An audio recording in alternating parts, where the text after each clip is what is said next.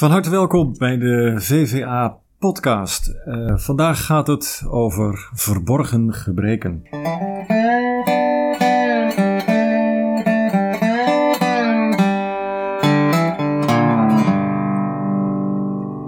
Ik zit hier uh, aan tafel. Ik overigens, voordat ik het vergeet, ben Tjeerd van Veen. Werkzaam bij Van Veen Advocaten al een uh, x aantal tientallen jaren. En tegenover mij zit Maarten Blok, eveneens hier werkzaam, collega van mij, advocaat. En wij zijn allebei lid van de sectie vastgoed hier op kantoor. We houden ons dus bezig met zaken die met vastgoed en onder meer ook aan en verkoop van onroerend goed te maken hebben. Maarten, eh, stel jezelf even voor. Dankjewel. Ja, mijn naam is uh, Maarten Blok. Ik ben dus ook al een tijdje werkzaam bij Van Veen Advocaten. En net als uh, mijn gesprekspartner, lid van de sectie eh, vastgoed, waarin allerlei eh, vastgoedgerelateerde zaken voorbij komen. Onder andere eh, zaken die verband houden met het onderwerp van vandaag, de verborgen gebreken. Ja. Nou, regelmatig komt het voor hè, dat je met verborgen gebreken in de praktijk geconfronteerd wordt. Gaan we het over hebben. Wat kan je doen? Wat moet je niet doen? Wat kan je nalaten? Waar moet je op letten? Ik begin maar even met een simpel voorbeeld. We zitten hier vandaag uh, naar buiten te kijken en het is uh, heel erg mooi weer. Na lange tijd. Het is ruim 20 graden buiten. Stel je voor, ik heb een huis gekocht van de winter. Met een mooi zwembad erbij. Ik heb al die tijd naar de regen zitten kijken. Werd allemaal niks. Vanmorgen vul ik mijn zwembad met water. En wat zie ik vanmiddag? Het zwembad is al bijna weer leeg. Het is kennelijk lek. Wist ik niet toen ik het kocht van de winter. Heb ik ook niet eerder ontdekt. Wat moet ik doen? Draai ik op voor de kosten? Het gaat me gigantisch veel geld kosten. Ja, goede vraag. Uh, leuke casus ook. Het antwoord daarop is uh, uh, niet altijd of niet heel erg eenvoudig te geven. Want het hangt zoals wel vaker in ons vak af van de omstandigheden van het geval. Je klinkt als de Hoge Raad, Maarten. Nou ja, kijk, je schetst een situatie waarbij een, een zwembad kennelijk toch een probleem oplevert. Het water stroomt weg als juristen kijken natuurlijk als eerste even in de wet. Wat staat daar nou precies in? Hè? Want de koop van een woning is een koopovereenkomst die in de wet wordt beschreven. En de wet geeft dan ook aan wat kun je nou verwachten als koper van eh, de woning die je koopt. En in de wet staat dat de woning de eigenschappen moet bezitten die voor een normaal gebruik daarvan noodzakelijk uh, zijn. Ja. Je zou in deze kunnen zeggen. Ja, nou, ik kan die woning gewoon gebruiken. Precies. Ik, ik, ik, hoef niet per se te zwemmen, hè? Nee. Dus een lek zwembad verhindert nog niet een normaal gebruik van de woning. En dat zou kunnen betekenen dat je als koper nog niet zulke hele sterke papieren hebt om die verkoper hier aansprakelijk te stellen. Maar ik voel een tenzijtje aankomen. Klopt dat? Ja, er zit natuurlijk een uh, tenzijtje in, uh, in dit verhaal ook. Aan de ene kant schets je de situatie waarbij uh, het zwembad vanmorgen werd gevuld en meteen al bleek dat het lek was dus dat lijkt dan niet zomaar een klein gaatje te zijn, maar een gigantisch probleem met dat, uh, met dat zwembad. En de vraag is dan ook, wist die verkoper dat dan niet? Dat er een probleem was met dat zwembad? Ja. En als die verkoper dat wist, dan had hij dat ook wel moeten vertellen.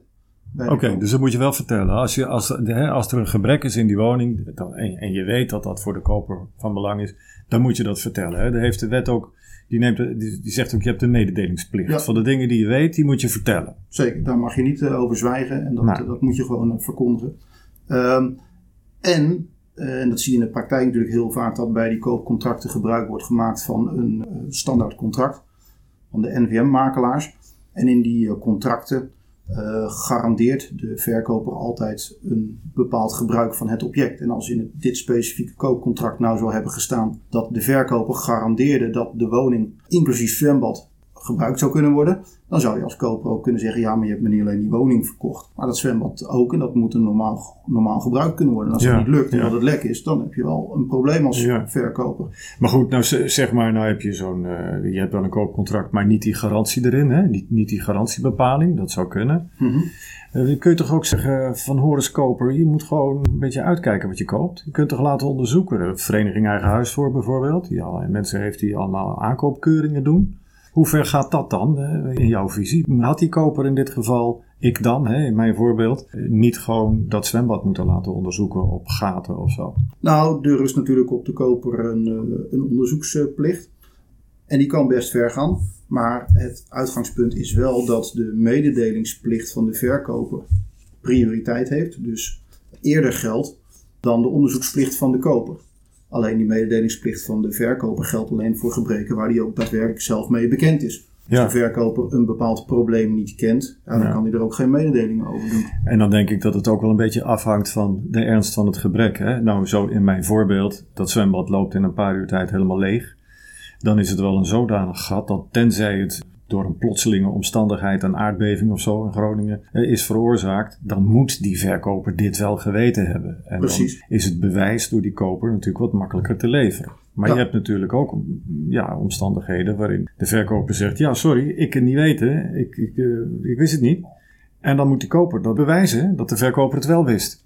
Ja, dat zal dan de koper rusten om dat bewijs aan te leveren. En, Ja. nou ja, ik denk dat naarmate het probleem toch groter is, je makkelijker de schuld Ja. eh, in de schoenen van de verkoper kan schuiven en kan aantonen dat hij dat wist of had moeten weten. Ja, ja. Die koper moet nog aan meer dingen denken. Hebben we het nog even niet over gehad. Maar de klachtplicht, hè? Kun, kun jij uitleggen hoe dat zit? Ja, dat is ook een gevolg van wat er in de wet eh, beschreven staat. Dat op het moment dat jij iets geleverd krijgt wat niet aan de overeenkomst beantwoordt, dan moet je daar wel tijdig over klagen.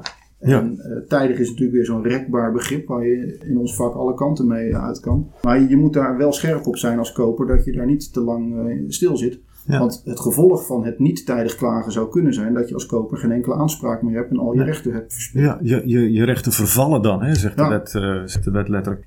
Nou kan ik me herinneren dat wij laatst in onze sectie een geval hebben besproken dat bij jou in behandeling was. Ging dat niet over een balk of zo ergens? Ja, dat is misschien wel een leuk voorbeeld om ook even te, te benoemen.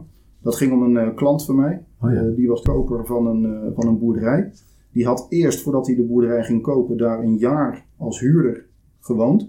Dus hij kende het huis al. kende het huis al. En na een jaar werden ze dus eigenaar. En dat was zo'n zo'n boerderij waarbij je aan het plafond in de woonkamer van die houten balken zag. Ja, Alleen dat waren geen mooi echte rustiek. waren geen Ja. massief houten balken. Het bleek uiteindelijk een stukje aftimmering te zijn. Ja. Om een aantal ijzeren balken heen, die dan weer de verdiepingsvloer moesten ondersteunen. Eh, en toen mijn klant eenmaal eigenaar was geworden, gingen ze de woonkamer renoveren en haalden ze die aftimmering weg. Kwamen de ijzeren balken in het zicht.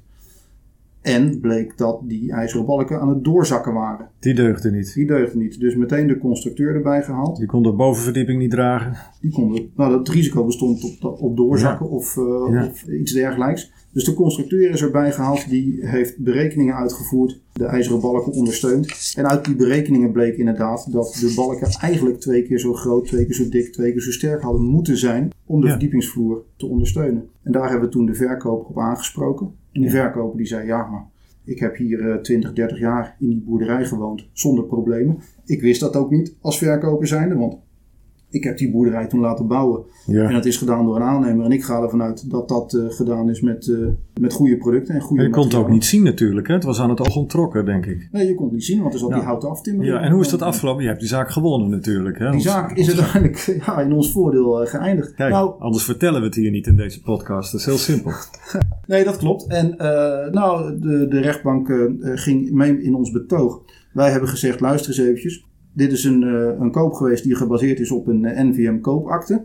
Daarin eh, staat in feite dat je als koper alle gebreken, dat die voor jou risico zijn. Met één uitzondering. De verkoper garandeert namelijk dat de woning, de boerderij, geschikt is voor een normaal gebruik als woning. Ja, En wij hebben gezegd, aan die garantie wordt niet tegemoet gekomen. ja. Die garantie voldoet Dus in dit geval niet. was het een geslaagd beroep op een garantiebepaling. Precies. Ja. En het feit dat de verkoper daar niet van wist, Dat deed er dan niet meer toe. Nee, dat Nee. haar niet. Als er nou niet zo'n garantiebepaling geweest was in deze zaak, zou het dan anders gelopen zijn? Dat denk ik wel. Want Ja. eh, zeker als je dat NVM-contract dan gebruikt, dan staat daarin bijna standaard dat alle gebreken, of je ze nou ziet of niet ziet, of hoe ze zich ook openbaren, voor rekening van jou zijn als koper.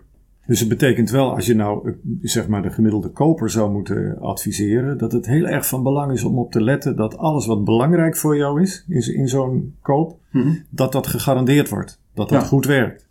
Precies. Ja, Precies. En eh, misschien een aardig bruggetje hoor, naar een clausule die ook heel veel in die contracten tegenkomt. ja, En in de huidige tijd volgens mij steeds meer, zelfs bij woningen die relatief jong zijn, is die ouderdomsclausule. ja, want het uitgangspunt in die NVM-contracten is ten eerste, alle gebreken zijn voor jou als koper. Dus je kunt eigenlijk nooit bij de verkoper aankloppen. Iets verderop staat dan een garantie. De verkoper garandeert dat de woning wel geschikt moet zijn voor een normaal gebruik als woning. En alle gebreken die dat verhinderen, daar kun je als koper dan de verkoper nog voor aanspreken. En dan komt vervolgens die ouderdomsclausule. En via die ouderdomsclausule probeert zo'n verkoper dan toch weer een beetje zijn straatje schoon te vegen. En te zeggen, ja, alle gebreken die het gevolg zijn van ouderdom. Ja, het is wel een oud huis. Hè, die komen weer voor rekening van jou als koper. En daar kan je maar als verkoper niet voor aanspreken. Betekent eigenlijk ook in mijn ervaring dat naarmate een huis ouder is, de onderzoeksplicht van de koper wat belangrijker wordt. Hè? Dat je meer moet gaan uitkijken bij een oud huis, omdat je ook minder mag verwachten van een oud huis dan van een nieuw huis. Hè? Ja, nee, dat is absoluut waar. Daar moet je goed, uh, goed onderzoek naar laten doen. En het idee, althans mijn advies zou zijn, neem bij dat soort oudere objecten gewoon een uh, bouwkundige mee. En laat dat goed in kaart brengen, want dan kan je in ieder geval laten zien dat jij aan je onderzoeksplicht hebt uh, voldaan als koper. Alleen wat je in de huidige tijd ziet, is dat ook woningen die amper 20 jaar oud zijn, dat die verkocht worden met een ouderdomsclausule. Nou zie je natuurlijk ook vaak, ja, makelaars die, eh, die komen daar zelf heel erg mee. Hè? Van nou, als je een huis gaat kopen, schakel de aankoopmakelaar in. En uh, wij kunnen dat allemaal regelen. Wat, wat jouw ervaring daarmee in zijn algemeenheid? Nou ja, de makelaar heeft een uh, nuttige functie in het hele proces van aan- en verkoop. Alleen we zien in de praktijk toch ook nog wel eens dat makelaars uh, foutjes daarin uh, maken. Makelaar is geen jurist, hè? dus als nee. je naar het contract kijkt, dan wil niet zeggen dat iedere, bij iedere verkoop van, van welk woonhuis of bedrijfsgebouw dan ook per se een advocaat ingeschakeld moet worden. Zo is nou ook weer niet, maar het steekt wel heel nauw vaak. Hè? Zeker, en ja. nou, om even terug te pakken op bijvoorbeeld zo'n ouderdomsclausule. we zien in de rechtspraak heel veel van die clausules voorbij komen die geschreven zijn door makelaars, maar die nou ja, op meerdere manieren uitgelegd kunnen worden. En dan weet je dus eigenlijk als partij niet zo goed waar je aan toe bent. Nee. En wat spreek je hier nou af met elkaar? En dan kom je toch weer in een juridisch ja. geschil terecht, wat ja. je misschien had kunnen voorkomen. Ja. Op het moment dat je zo'n ouderdomsclausule wel nauwkeurig zou hebben opgesteld. Ja. Nou is het natuurlijk vaak zo dat wij worden ingeschakeld achteraf. Mm -hmm. Wij, worden geconfronteerd met contracten die er al liggen, die al lang getekend zijn. Het, het, laten we even bij het voorbeeld van het huis blijven. Het huis is al lang gekocht. Bepaalde garanties zijn wel verleend, zoals afwezigheid van asbest of vuiling in de grond of dat soort dingen. Maar de dingen waar het net om gaat, die zijn vaak weer niet geregeld of slecht geregeld. En dan zie je inderdaad, we hebben het al even aan de orde gehad, dat uh, voor de uitspraak van rechters het altijd afhangt van de omstandigheden van het geval. Uh, en ook om uitleg van zijn overeenkomst. En ja, daar moet je natuurlijk niet gauw, zeker ook niet als koper, maar ook niet als verkoper, bij de pakken neer gaan zitten en denken van nou, uh, gelopen race. Want in mijn optiek is er altijd wat te halen. Ja, dat Toch? ben ik. Dat ben ik met Want je kan beide kanten uitredeneren. Je hebt een mededelingsplicht van de, van de verkoper. Ik moet alles mededelen waarvan ik weet dat het van belang kan zijn voor de koper. En de koper moet onderzoeken. Wat is voor mij allemaal van belang? Wat moet ik allemaal laten keuren? En daar zit een grijs gebied in waarin het elkaar overlapt. Mm -hmm. En dat is wat ze dan wel weer noemen lawyer's paradise. Hè? Ja. Dus daar kunnen wij uh, heel veel van bakken. Als, als er nou zo'n conflict ligt, hè, ik weet niet wat jouw ervaring is, maar soms kun je dat snel oplossen. Hè? Je probeert altijd eerst op te lossen in een goed uh, onderhandelingsproces tussen koper en verkoper. Als het niet lukt en je moet naar de rechter, dan heb je natuurlijk de keuze tussen een bodemprocedure die dan vaak anderhalf, twee jaar duurt. Mm -hmm. Maar je kunt ook een kort geding doen. Kun jij er iets over vertellen? Wanneer wat? Want een kort geding is natuurlijk veel sneller. Heb je binnen een paar weken een uitspraak. Hè? Waarom doet niet iedereen dat gewoon een kort geding? Lekker simpel, makkelijk toch? Ja, dat zou je, dat zou je denken. Ja, en, die vraag krijg ik nogal. In kort geding uh, laat zich alleen niet ieder geschil zich uh, oplossen. Hè? Want je hebt wel een paar voorwaarden. Wil je ontvankelijk zijn in een vordering in een kort geding? Ten eerste moet je een spoedeisend belang hebben. En ten tweede, ja, de rechter doet geen declaratoren uitspraken. Ja, maar meneer de rechter, mijn zwembad krijg ik niet eens gevuld. Ik moet kijken hoe warm het is buiten. Ik moet toch een duik kunnen nemen. Ik heb haast. Ik heb een spoedeisend belang, toch? Nee, dat lijkt me uh, op zich een spoedeisend belang om uh, vandaag met dit mooie weer het zwembad in te ja, duiken. precies. Ja. ja, het kan wel, hè, in kort geding. Maar dan moet het... Dan moet A, de, het, het, gebrek en de oorzaak van het gebrek echt wel vaststaan. Ja. Geen nader onderzoek nodig zijn, want dat kan niet in kort geding.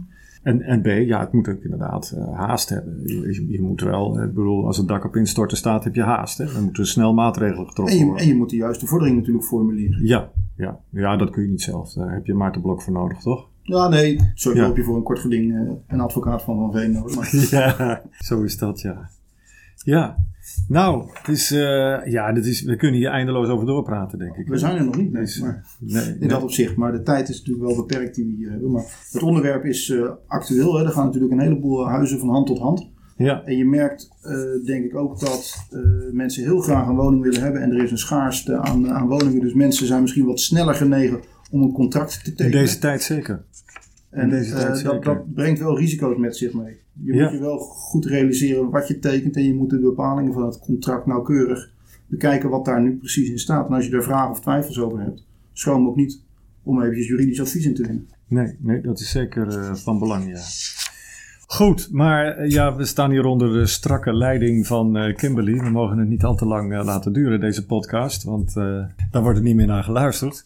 Overigens, als u zich wilt abonneren op onze podcasts, dan, dan kan dat. Wij doen dat regelmatig over allerlei uiteenlopende onderwerpen waar we mee te maken krijgen. En als u specifiek op dit onderwerp nog meer wilt weten, dan staat op het kanaal op YouTube een uh, interessant betoog over verborgen gebreken van het verslag eigenlijk van het webinar dat recentelijk hierover heeft plaatsgevonden. Jij nog iets aan toe te voegen, Maarten? Vond het heel gezellig. Nee, dankjewel voor dit gesprek.